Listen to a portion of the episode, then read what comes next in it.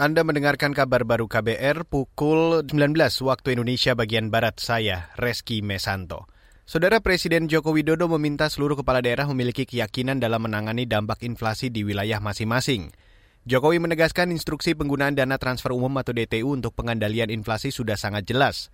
Selain itu, Jokowi juga sudah memerintahkan Kejaksaan Agung dan Komisi Pemberantasan Korupsi untuk mengawasi penggunaan dana transfer umum agar tidak dikorupsi. Sampai ada yang ragu-ragu lagi mengenai penggunaan belanja tak terduga dan juga dana transfer umum karena sudah ada PMK-nya, Peraturan Menteri Keuangannya, sudah ada SE Mendagrinya.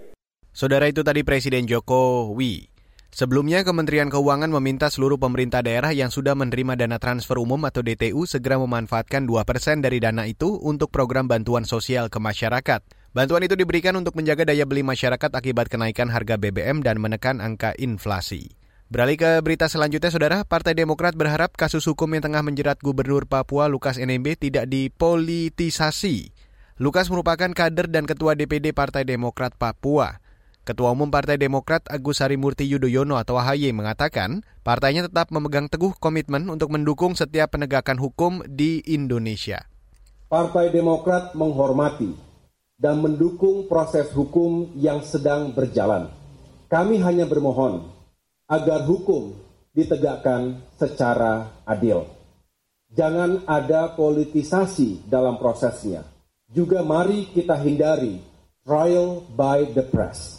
Ketiga, kami juga mendukung upaya hukum Pak Lukas untuk mencari keadilannya. AHY menambahkan Partai Demokrat menghormati aturan hukum termasuk menaati atas asas praduga tidak bersalah. Partai Demokrat berjanji tidak akan pernah mengintervensi proses hukum dalam bentuk apa pun. Sebelumnya, Gubernur Lukas NMB sudah ditetapkan KPK sebagai tersangka kasus suap dan gratifikasi. Lukas sudah dua kali mangkir dari pemanggilan KPK dengan alasan sakit. Saudara Kementerian Kesehatan Jepang merekomendasikan pemerintah merevisi undang-undang tentang obat negara. Jika revisi itu dilakukan, maka akan memungkinkan impor dan penggunaan produk ganja untuk pengobatan. Rekomendasi itu didasarkan pada pemenuhan kebutuhan medis dan menyelaraskan Jepang dengan standar internasional. Revisi akan berlaku untuk produk ganja yang keamanan dan kemanjurannya dikonfirmasi di bawah Undang-Undang Obat-obatan dan Perangkat Medis. Penggunaan produk ganja diperlukan untuk pengobatan penyakit epilepsi dan saat ini masih menjalani uji klinis di Jepang.